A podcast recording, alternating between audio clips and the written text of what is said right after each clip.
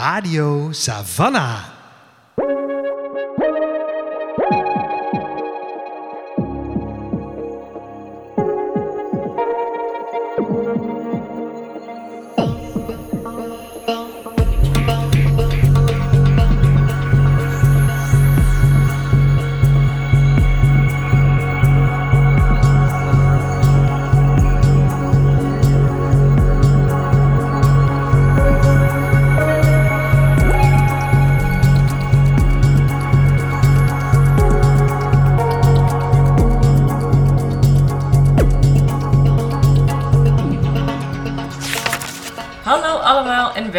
Bij een nieuwe aflevering van Radio Savannah, de podcast van Boekhandel Savannah D.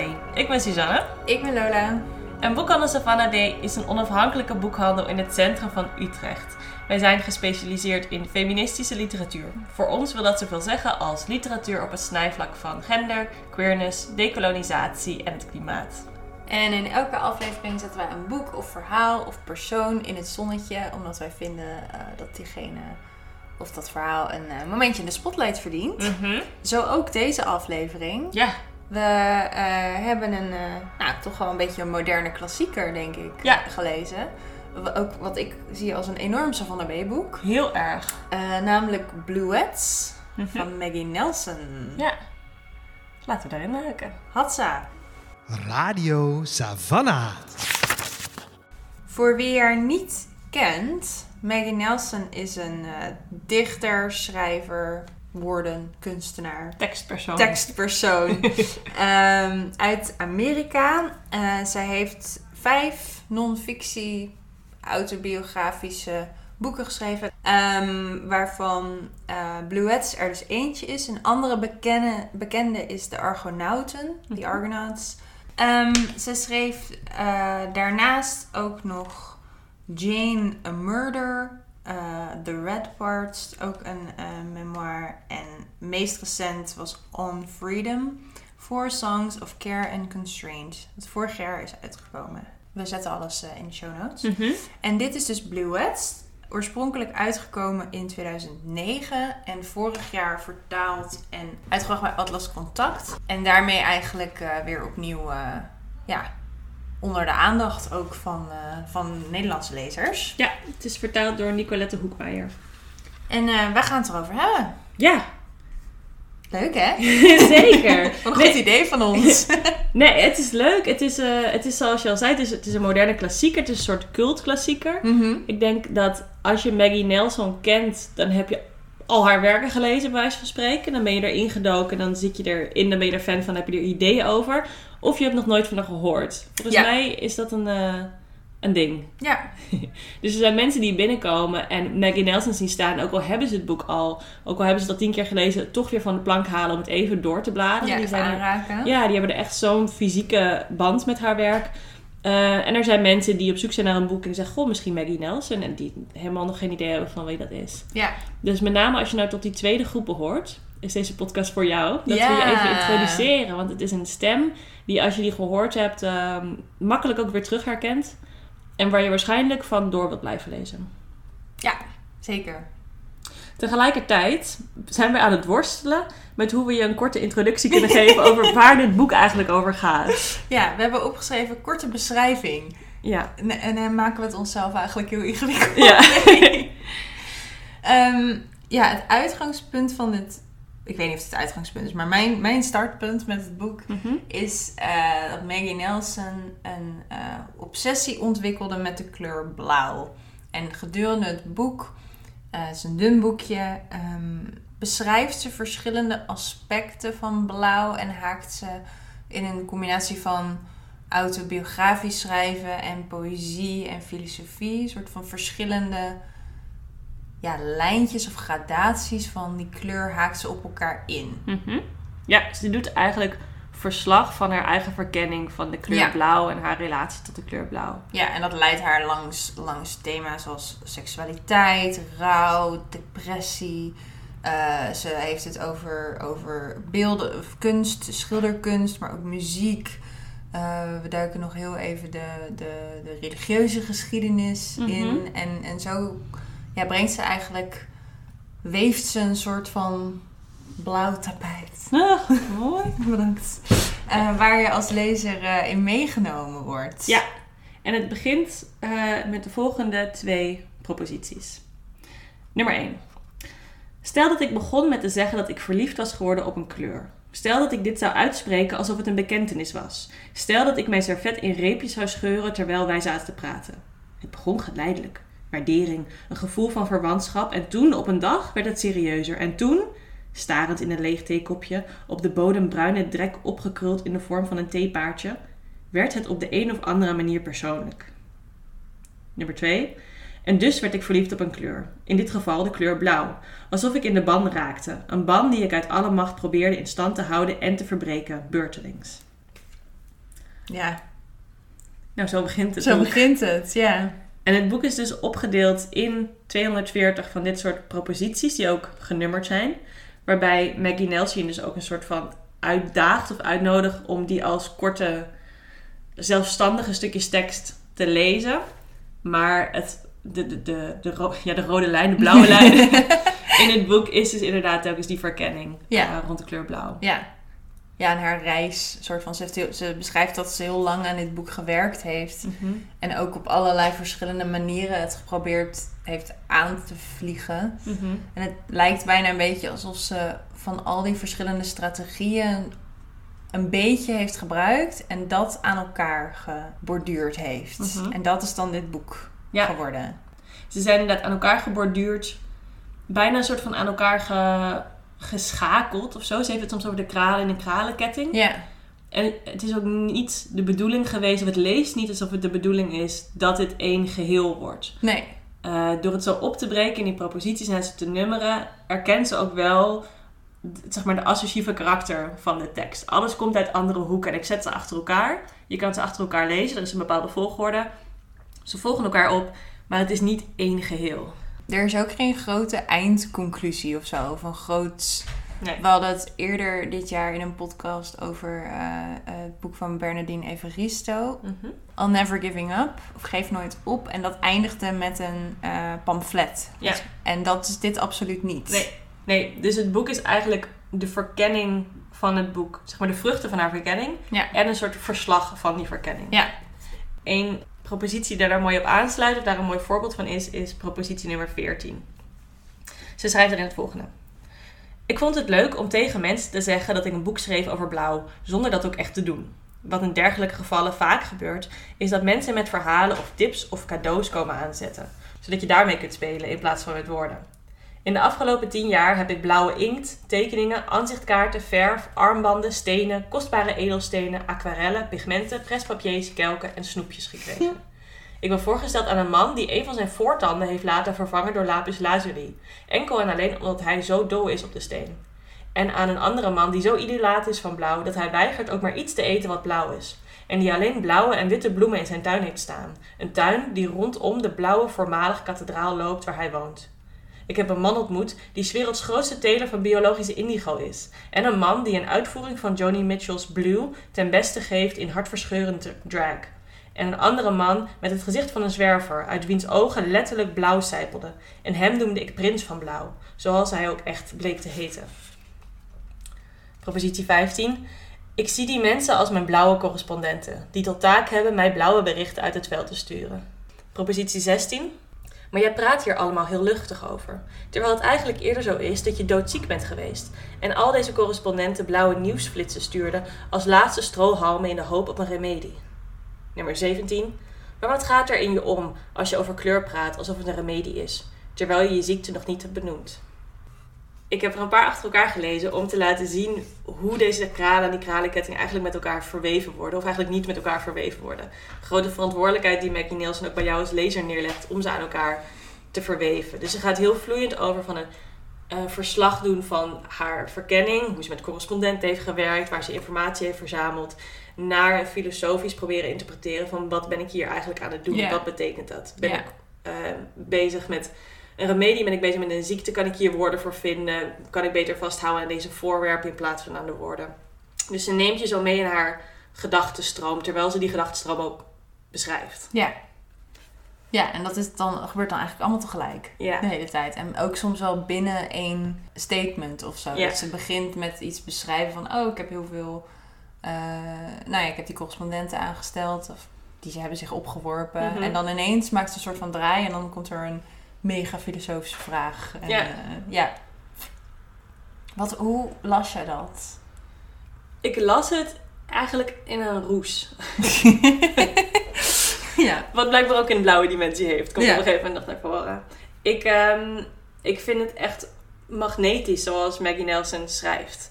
Magnetisch in de zin van je zit eraan vastgekluisterd. Je kan niet meer wegkijken. Je kan niet meer stoppen met, met haar meeleven. Ja. Omdat haar teksten telkens genoeg substantie bevatten. Zodat je het begrijpt. Ik heb nooit op een stuk gezeten dat ik dacht van waar heb jij het nou over? Ja, nee, Dit is zo niet. vaag, heb ik nooit.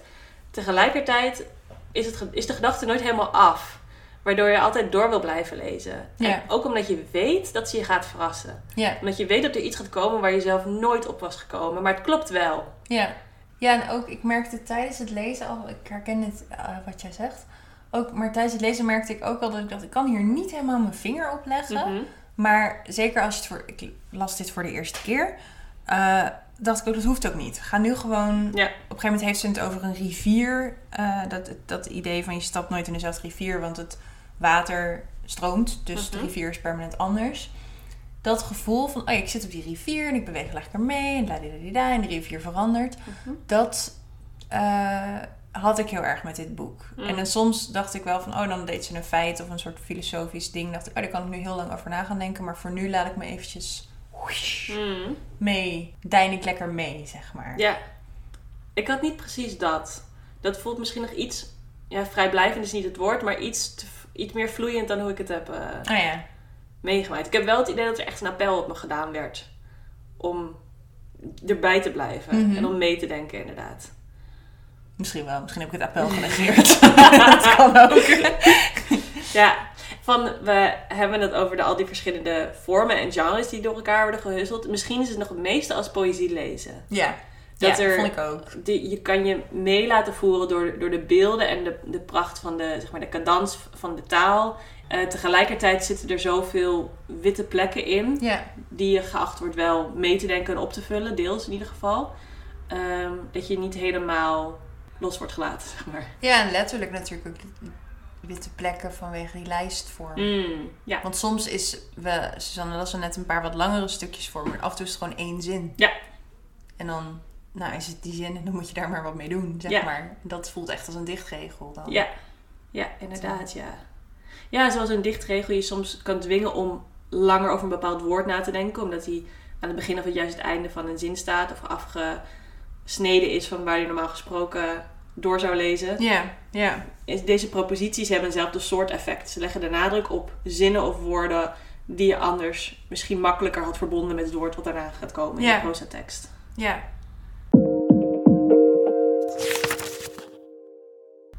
Nou is een van de vormen die hier ook in zit, is ja, autobiografie. Het is een, soort een vorm van autobiografisch schrijven.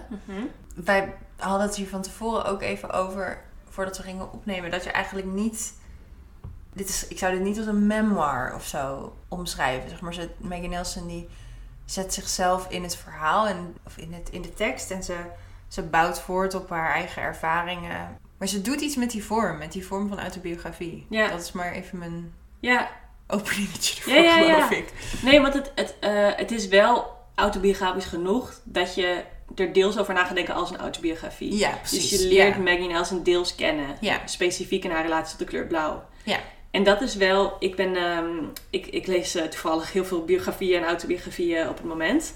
Ehm, en wat ik heel erg merk is dat de, de vorm van biografie die mij het minste aanspreekt, zijn de biografieën die eigenlijk alles willen vertellen over een persoon. Ja, Die willen veel- zeggen, ik heb gewoon alle archieven uitgespitst. Dit is alle kennis rond deze persoon die we hebben. Die heb ik allemaal achter elkaar gezet. in een chronologische volgorde. Ja, dus dat je Ja. eigenlijk gewoon een archief creëert. Ja. En dat heeft natuurlijk belangrijke historische waarde. Maar dat vind ik als lezer niet zo interessant.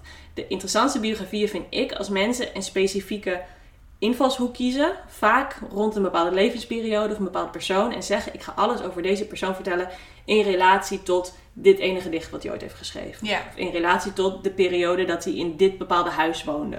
Of de relatie met een bepaalde persoon die hij heeft gehad. Dan heb je een, maar eigenlijk maar een heel beperkt beeld van die persoon, maar daardoor een, een dieper en betekenisvoller beeld. En dat is eigenlijk wat Maggie Nelson hier ook presenteert. Ze presenteert zichzelf in haar relatie tot de kleur blauw. Ja. En daar zitten eigenlijk heel veel verschillende kanten van haar in. Het is deels het gaat het over de relatie met haar ex-partner die haar heeft verlaten voor een andere vrouw. Het gaat deels over haar relatie tot haar eigen seks, seksleven en seksualiteit. Het gaat over haar relatie tot depressie en mentale gezondheid, over fysieke gezondheid, haar relatie tot haar werk, haar relatie tot haar denken, over andere filosofische Ja. schrijvers. Dus je komt- vriendschappen. haar vriendschappen. Ja. Dus je leert haar op een bepaald gebied, een klein gedeelte van haar leven, namelijk in haar relatie tot de kleur blauw, leer je haar supergoed kennen. Ja. Maar alles daarbuiten hoor je niks over. Nee. Nee, en dan daardoor kan het soms ook een beetje dus als een verrassing zijn van... Dat ze iets zegt van, oh ja, ik was op mijn werk en ik deed dit en dat. En dat, dat je denkt, Ja. huh, werk? Welk werk? Ja. Waar, waar, waar, waar ben je? Wat doe je? I know. Hoezo zit jij in een faculteitsvergadering? Het is veel Ja. prozaïscher dan ik me voorstel bij Ja. jou. Ja, maar de, de kleur blauw speelt geen rol in die relatie tot haar werk. Dus nee, behalve op dat ene voor. moment wat wij meekrijgen. Ja. ja. Ja, dus eigenlijk is het best een heel traditionele vorm van autobiografisch schrijven eigenlijk. Alleen de focus is heel anders. Niet Ja. de relatie tot een plaats of een persoon, maar de relatie tot een kleur. Ja, en ik denk omdat dat per definitie abstract is... Mhm. moet het ook wel een beetje zo, zo poëtisch en raar zijn. Eh, Raar zeg ik met liefde, maar Ja. zeg maar dat... Ja, we, ga- we gaan het nog hebben over kleur, maar omdat kleur zoiets ongrijpbaars is, moet, moet zo'n boek ook ongrijpbaar zijn, volgens mij. ja. In deze, ja, moet. Vind ik dat heel logisch, laat ik het zo zeggen. Ja. Past het heel goed. Ja. Je kan hier wel echt een heel... Als mensen, als hier studenten luisteren, die denken, ik zoek nog een eh, scriptieonderwerp. Je kan echt los op dit boek. Je kan je leven lang hierover Ja, door door blijven emmeren. schrijven. Ja, ja. Hey Lola, Ja. heb jij een lievelingskleur? Het is opeens een beladen vraag Het is geworden. best een beladen vraag geworden. Ja, want nu krijg ik natuurlijk eh, acute stress ehm, over wat mijn lievelingskleur is. Want ik, nou, ik, hmm, ik hou wel echt heel erg van kleur. Mhm. Ik denk, eh, er zijn mensen die een heel monochroom, van een monochroom leven houden. Dat ben ik niet. Mhm. Ehm, ik zit hier ook in een knalblauwe trui, bijvoorbeeld. Ja. Ehm, maar of ik dan een lievelingskleur heb, ik hou heel erg van geel. Ik hou ook heel erg van roze. Maar ik hou ook wel van blauw. Ja. Want we zaten net te turen naar die, de, de omslag en de vormgeving van Blue Heads. Prachtig. Poeh! Ik ja, blauw is blauw, is echt een hele mooie kleur. Ja, Maar, en dat doet Megan Nielsen ook, het ene blauw is het andere blauw niet. klopt. En dat is misschien ook gewoon... Oké, wat is jouw lievelingsmanifestatie van blauw? Ja, op dit moment dit boek. En deze trui. Het is een mooie kleur. Ja, trui. Ja, Adidas blauw is het. Ja. Voor, voor wie het wil weten. Ja. Wacht, ik zal even voorlezen wat Maggie erover zegt. Ja. Over verschillende manifestaties van blauw. Want volgens mij ben ik het wel met haar eens. Nummer 33 in Maggie Nelson's eh relaas is... Ik moet bekennen dat niet alle blauwen me raken. Zo ben ik bijvoorbeeld niet bijzonder geïnteresseerd in het wasachtige turquoise. En een dof vervuild indigo laat me meestal koud. Als iets blauws me niet raakt, maak ik me soms zorgen dat ik verloren ben of dood. Op sommige momenten veins ik enthousiasme. Op andere momenten ben ik bang dat ik nooit duidelijk zal kunnen maken hoe diep het gaat. En dat laatste is dan heel diep. Maar dat eerste, Mhm. daar heeft ze natuurlijk enorm gelijk in. Want het Mhm. ene blauw is het andere blauw niet. Mhm. Daar ben ik het met haar eens. Ik ben ook niet zo'n turquoise mens. Nee. Nee, ik ook niet. Hoewel het een beetje pastelblauw, wat een beetje naar turquoise neigt, vind ik wel heel mooi. Ja, zie, daar heb je het hè. Ja. Echt zo dat knal turquoise, dat, dat felle. Nee, maar het is ook denk ik een beetje een tacky reputatie gekregen doordat eh, met de edelstenen zeg maar die gedragen Mm, worden en zo. Ja, ja, ja, ja, Ja. ja. Heb jij een lievelingskleur? Ik neig vaak naar groen. Ja. En ik trouwens, ik associeer jou heel erg met geel. Dus het, Oh, cute. ja, ik heb ook in twee huizen een gele muur gehad. misschien is dat het. Ja. Dat toen we nog wel online opnamen, dat je altijd tegen die gele muur zat. dat ik je Ja. daarmee associeer. Nee, ik neig zelf naar groen. Wat ik mooi vind aan groen is ik, kan- ik kan makkelijker de verschillende vormen groen herkennen als allemaal verschillende Mm. schakeringen van groen. We hebben ooit een keer een, eh, een kort interviewtje gehad met Eva Meijer toen we een podcast maakten over de Nieuwe Rivier. Ehm, en toen vertelde zij dat groen een van haar lievelingskleuren is. Dat ze nu op het platteland woont, of tenminste in een dorp woont. En dat ze al die verschillende schakeringen groen ziet. Ehm, ik heb een keer heel cute een student van me horen vertellen dat als je goed naar een boom kijkt, dat je telkens weer een andere soort groen ziet. En dat je dat eigenlijk je leven lang zou kunnen doen. En de, die ervaring met kleur associeer ik met name met groen. Ja, fair. Ik heb niet zo heel veel met blauw. Nee, ik ook niet. Blauw is niet mijn, mijn go-to kleur, Nee, merk ik. hoewel de meest overweldigende natuurmomenten, Ja, die zijn natuurlijk wel die vaak zijn wel blauw. vaak blauw. Ja. Waar de zee de horizon raakt, zeg maar. Ja. Ja, ja, of een knalblauwe lucht of zo. ja, Dat kan ook heel groot Ja. voelen. inderdaad. Maar ik zou niet zo snel geobsedeerd raken door blauw. Nee.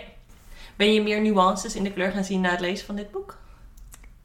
Ja. En ik ben ook, eh, terwijl ik op de bank zat te lezen, ging ik zo mijn huis doorkijken van wat is allemaal blauw. Alsof er Ja. een soort extra lampje op stond iedere keer. En ik denk, god, ik heb eigenlijk heel veel blauw in mijn, in mijn huis. Ja, En ik vond het ook wel leuk dat zij dan beschreef van, dan liep ze op straat en dan zag ze iets blauws of zo. En dat is natuurlijk wel een hele leuke bril om mee te kijken van, oh ja, het is een beetje, eh, hoe heet dat ook weer?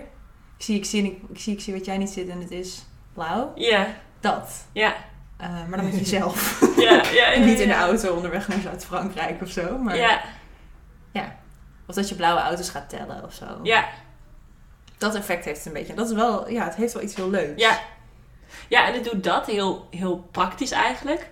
Ehm, en inderdaad, omdat ze zoveel verschillende linkjes legt en ook wel veel filosofische en poëtische linkjes legt, eh nodigt je ook uit om gewoon na te denken over hoe je relaties kan hebben met kleur. Ja. En dat En gaat wat van, kleur eigenlijk is. Ja, en dat gaat eigenlijk van heel abstract, via allemaal verschillende academische disciplines, naar heel concreet wat het doet in je leven. Ja. Dus er zitten een aantal, ze vertelt hem bijvoorbeeld aan allemaal collega's in het boek ook van, die bijvoorbeeld bioloog zijn of natuurkundige zijn, vertelt ze dat ze onderzoek doet naar blauw en dat ze daarover schrijft. En blauw betekent voor een natuurkundige heel iets anders dan voor een dichter. Ja. Dus dan gaat het over refracties van licht en hoe dat dan je netvlies raakt en zo.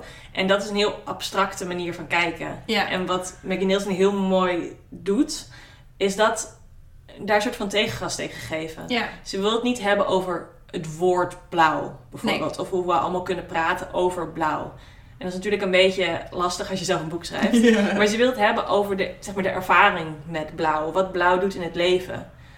Ehm, wat, hoe raakt blauw je? Ze heeft bijvoorbeeld over dichters die het hebben over het een- met een mes het blauw opensnijden, zodat er meer blauw uitdruipt. Ja. En het zijn heel concrete ervaringen, omdat natuurlijk hoe abstract we ook natuurkundig kunnen nadenken over kleuren, heel direct in ons leven zien we overal kleuren en gebruiken we kleuren om te navigeren, om betekenis toe te kennen.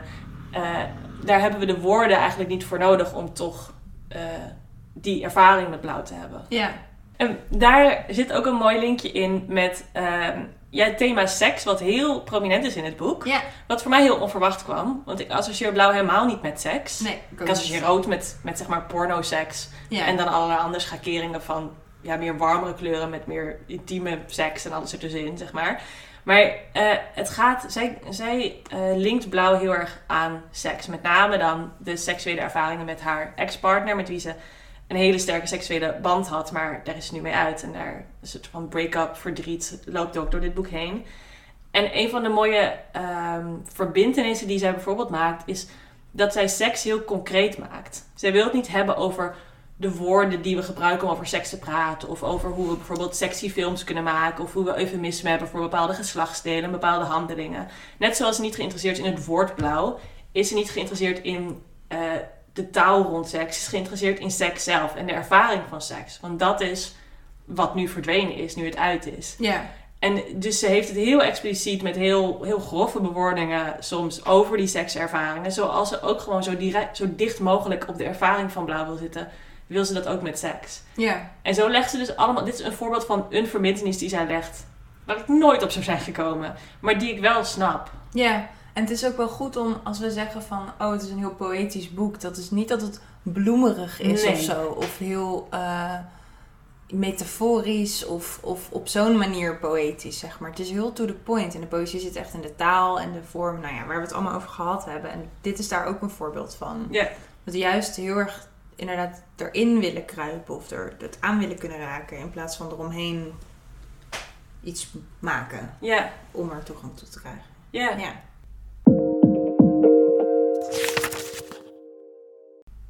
Ja, ik denk als seksualiteit is een belangrijk thema in het boek en ook eh, specifiek vrouwelijke seksualiteit.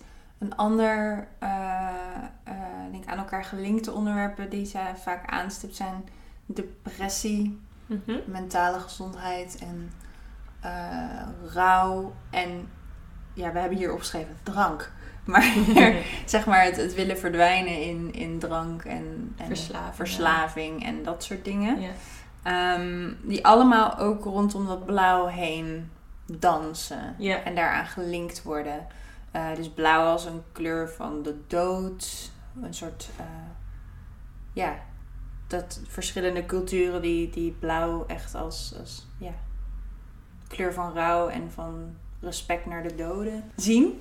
Ehm, maar ook bijvoorbeeld, er zit een heel lijntje in het boek over een eh, vriendin van Maggie Nelson die een ongeluk heeft gehad en daardoor eh, verlamd is geraakt. En haar, eh, wat haar, ja, herstelproces daar deels van is. En hoe zij, hoe, hoe zij ziek is en hoe zij moet wennen aan haar nieuwe leven. En, en Mhm. hoe haar lichaam verandert.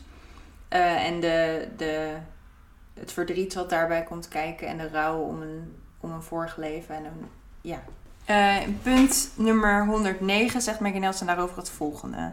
In de loop der tijd zijn de voeten van mijn zwaargewonde vriendin blauw en glad geworden door de inactiviteit. Hun blauw is het blauw van afgeroomde melk, hun gladheid die van een baby. Ik vind ze heel vreemd en prachtig voelen en ogen. Zij is het niet met me eens. Hoe kan het ook anders? Dit is haar lichaam, de transformatie is haar verdriet. We bestuderen vaak samen delen van haar lichaam, alsof ze door de verlamming zijn verworden tot onderzoeksobjecten die losstaan van ons beiden. Maar ze blijven van haar. Ongeacht wat er in de loop van ons leven met onze lichamen gebeurt, ongeacht of ze als een kiezel in het water worden, ze blijven van ons en wij van hen. Ja, ik denk ook dat dat de vorm is van blauw, of de, de ervaring met blauw waar Maggie Nelson zelf het meest geïnteresseerd in is.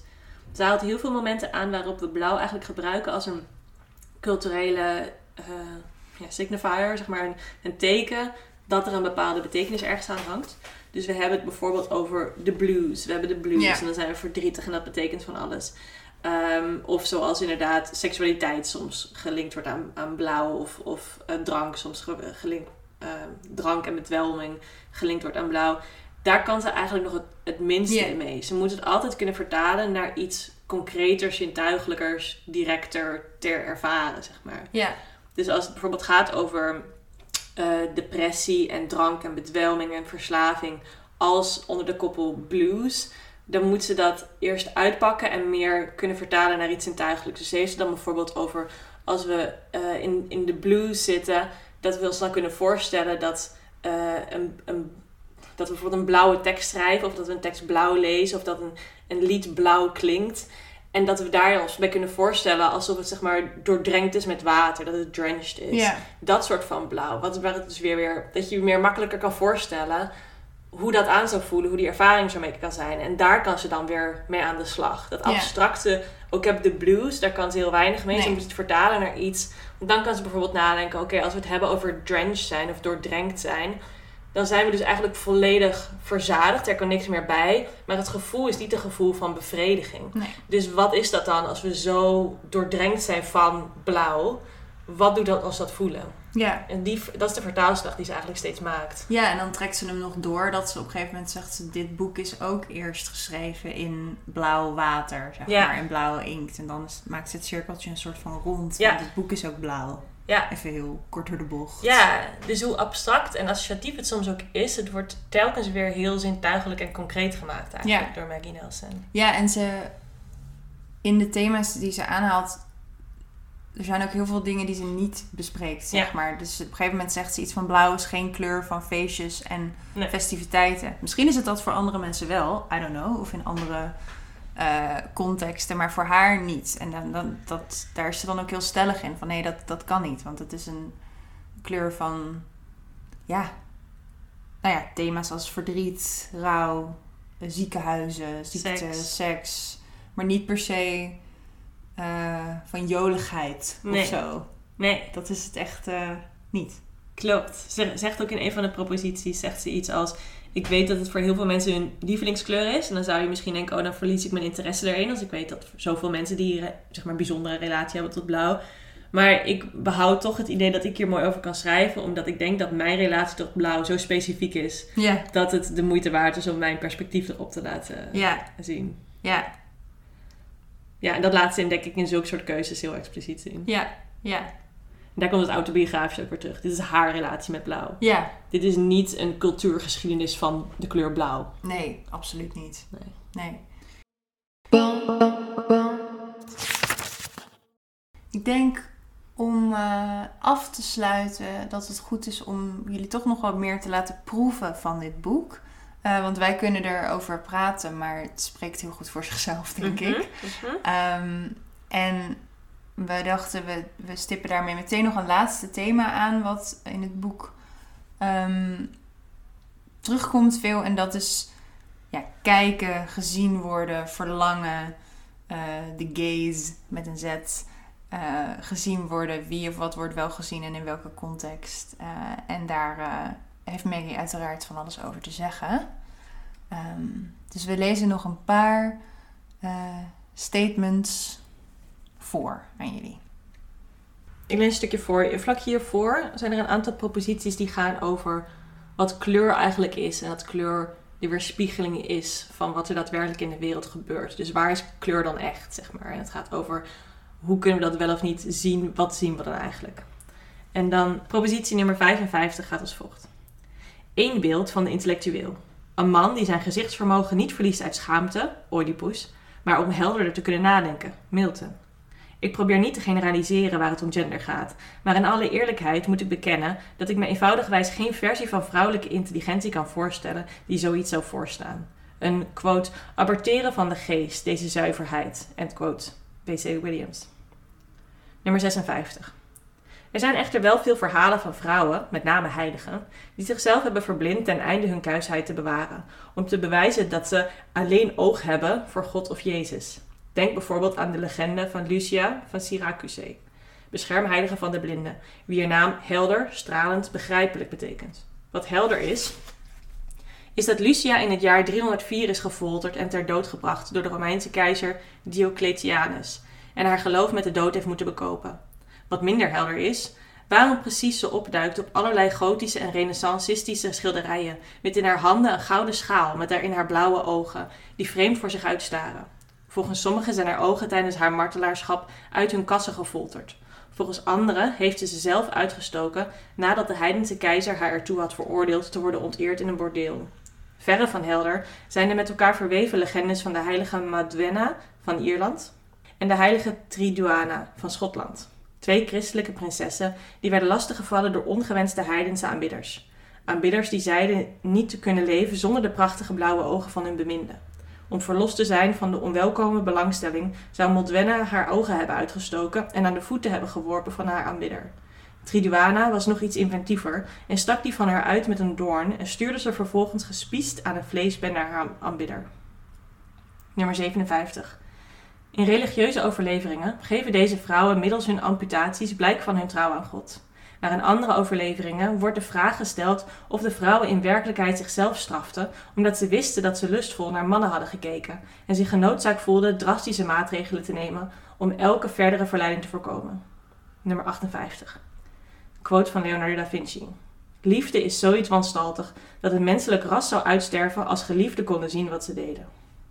Nummer 59. Er zijn echter mensen die graag kijken. En we hebben nog maar weinig of eigenlijk vrijwel niets gehoord over de vrouwelijke blik. Hoe verzengend die is, terwijl de ogen in het hoofd blijven zitten. Ik vind het heerlijk om tijdens het uitkleden de veelbelovende pik vanuit de verte te zien, schrijft Catherine Millet in haar prachtig erotische memoires.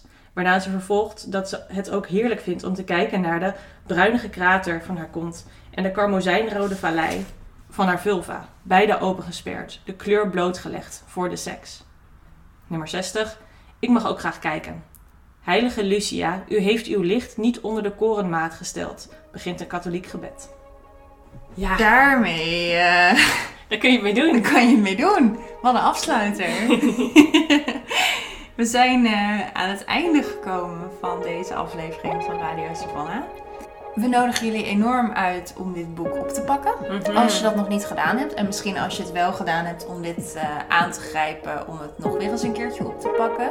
We zijn heel erg benieuwd wat jullie hiervan vinden. Eh, of jullie Maggie Nelson fans zijn. Eh, wel, wat je lievelingskleur is. wat je associeert met blauw. En, en, al dat soort dingen meer. Laat het ons weten. Via alle socials van Winkels Savannah Of via onze e-mail.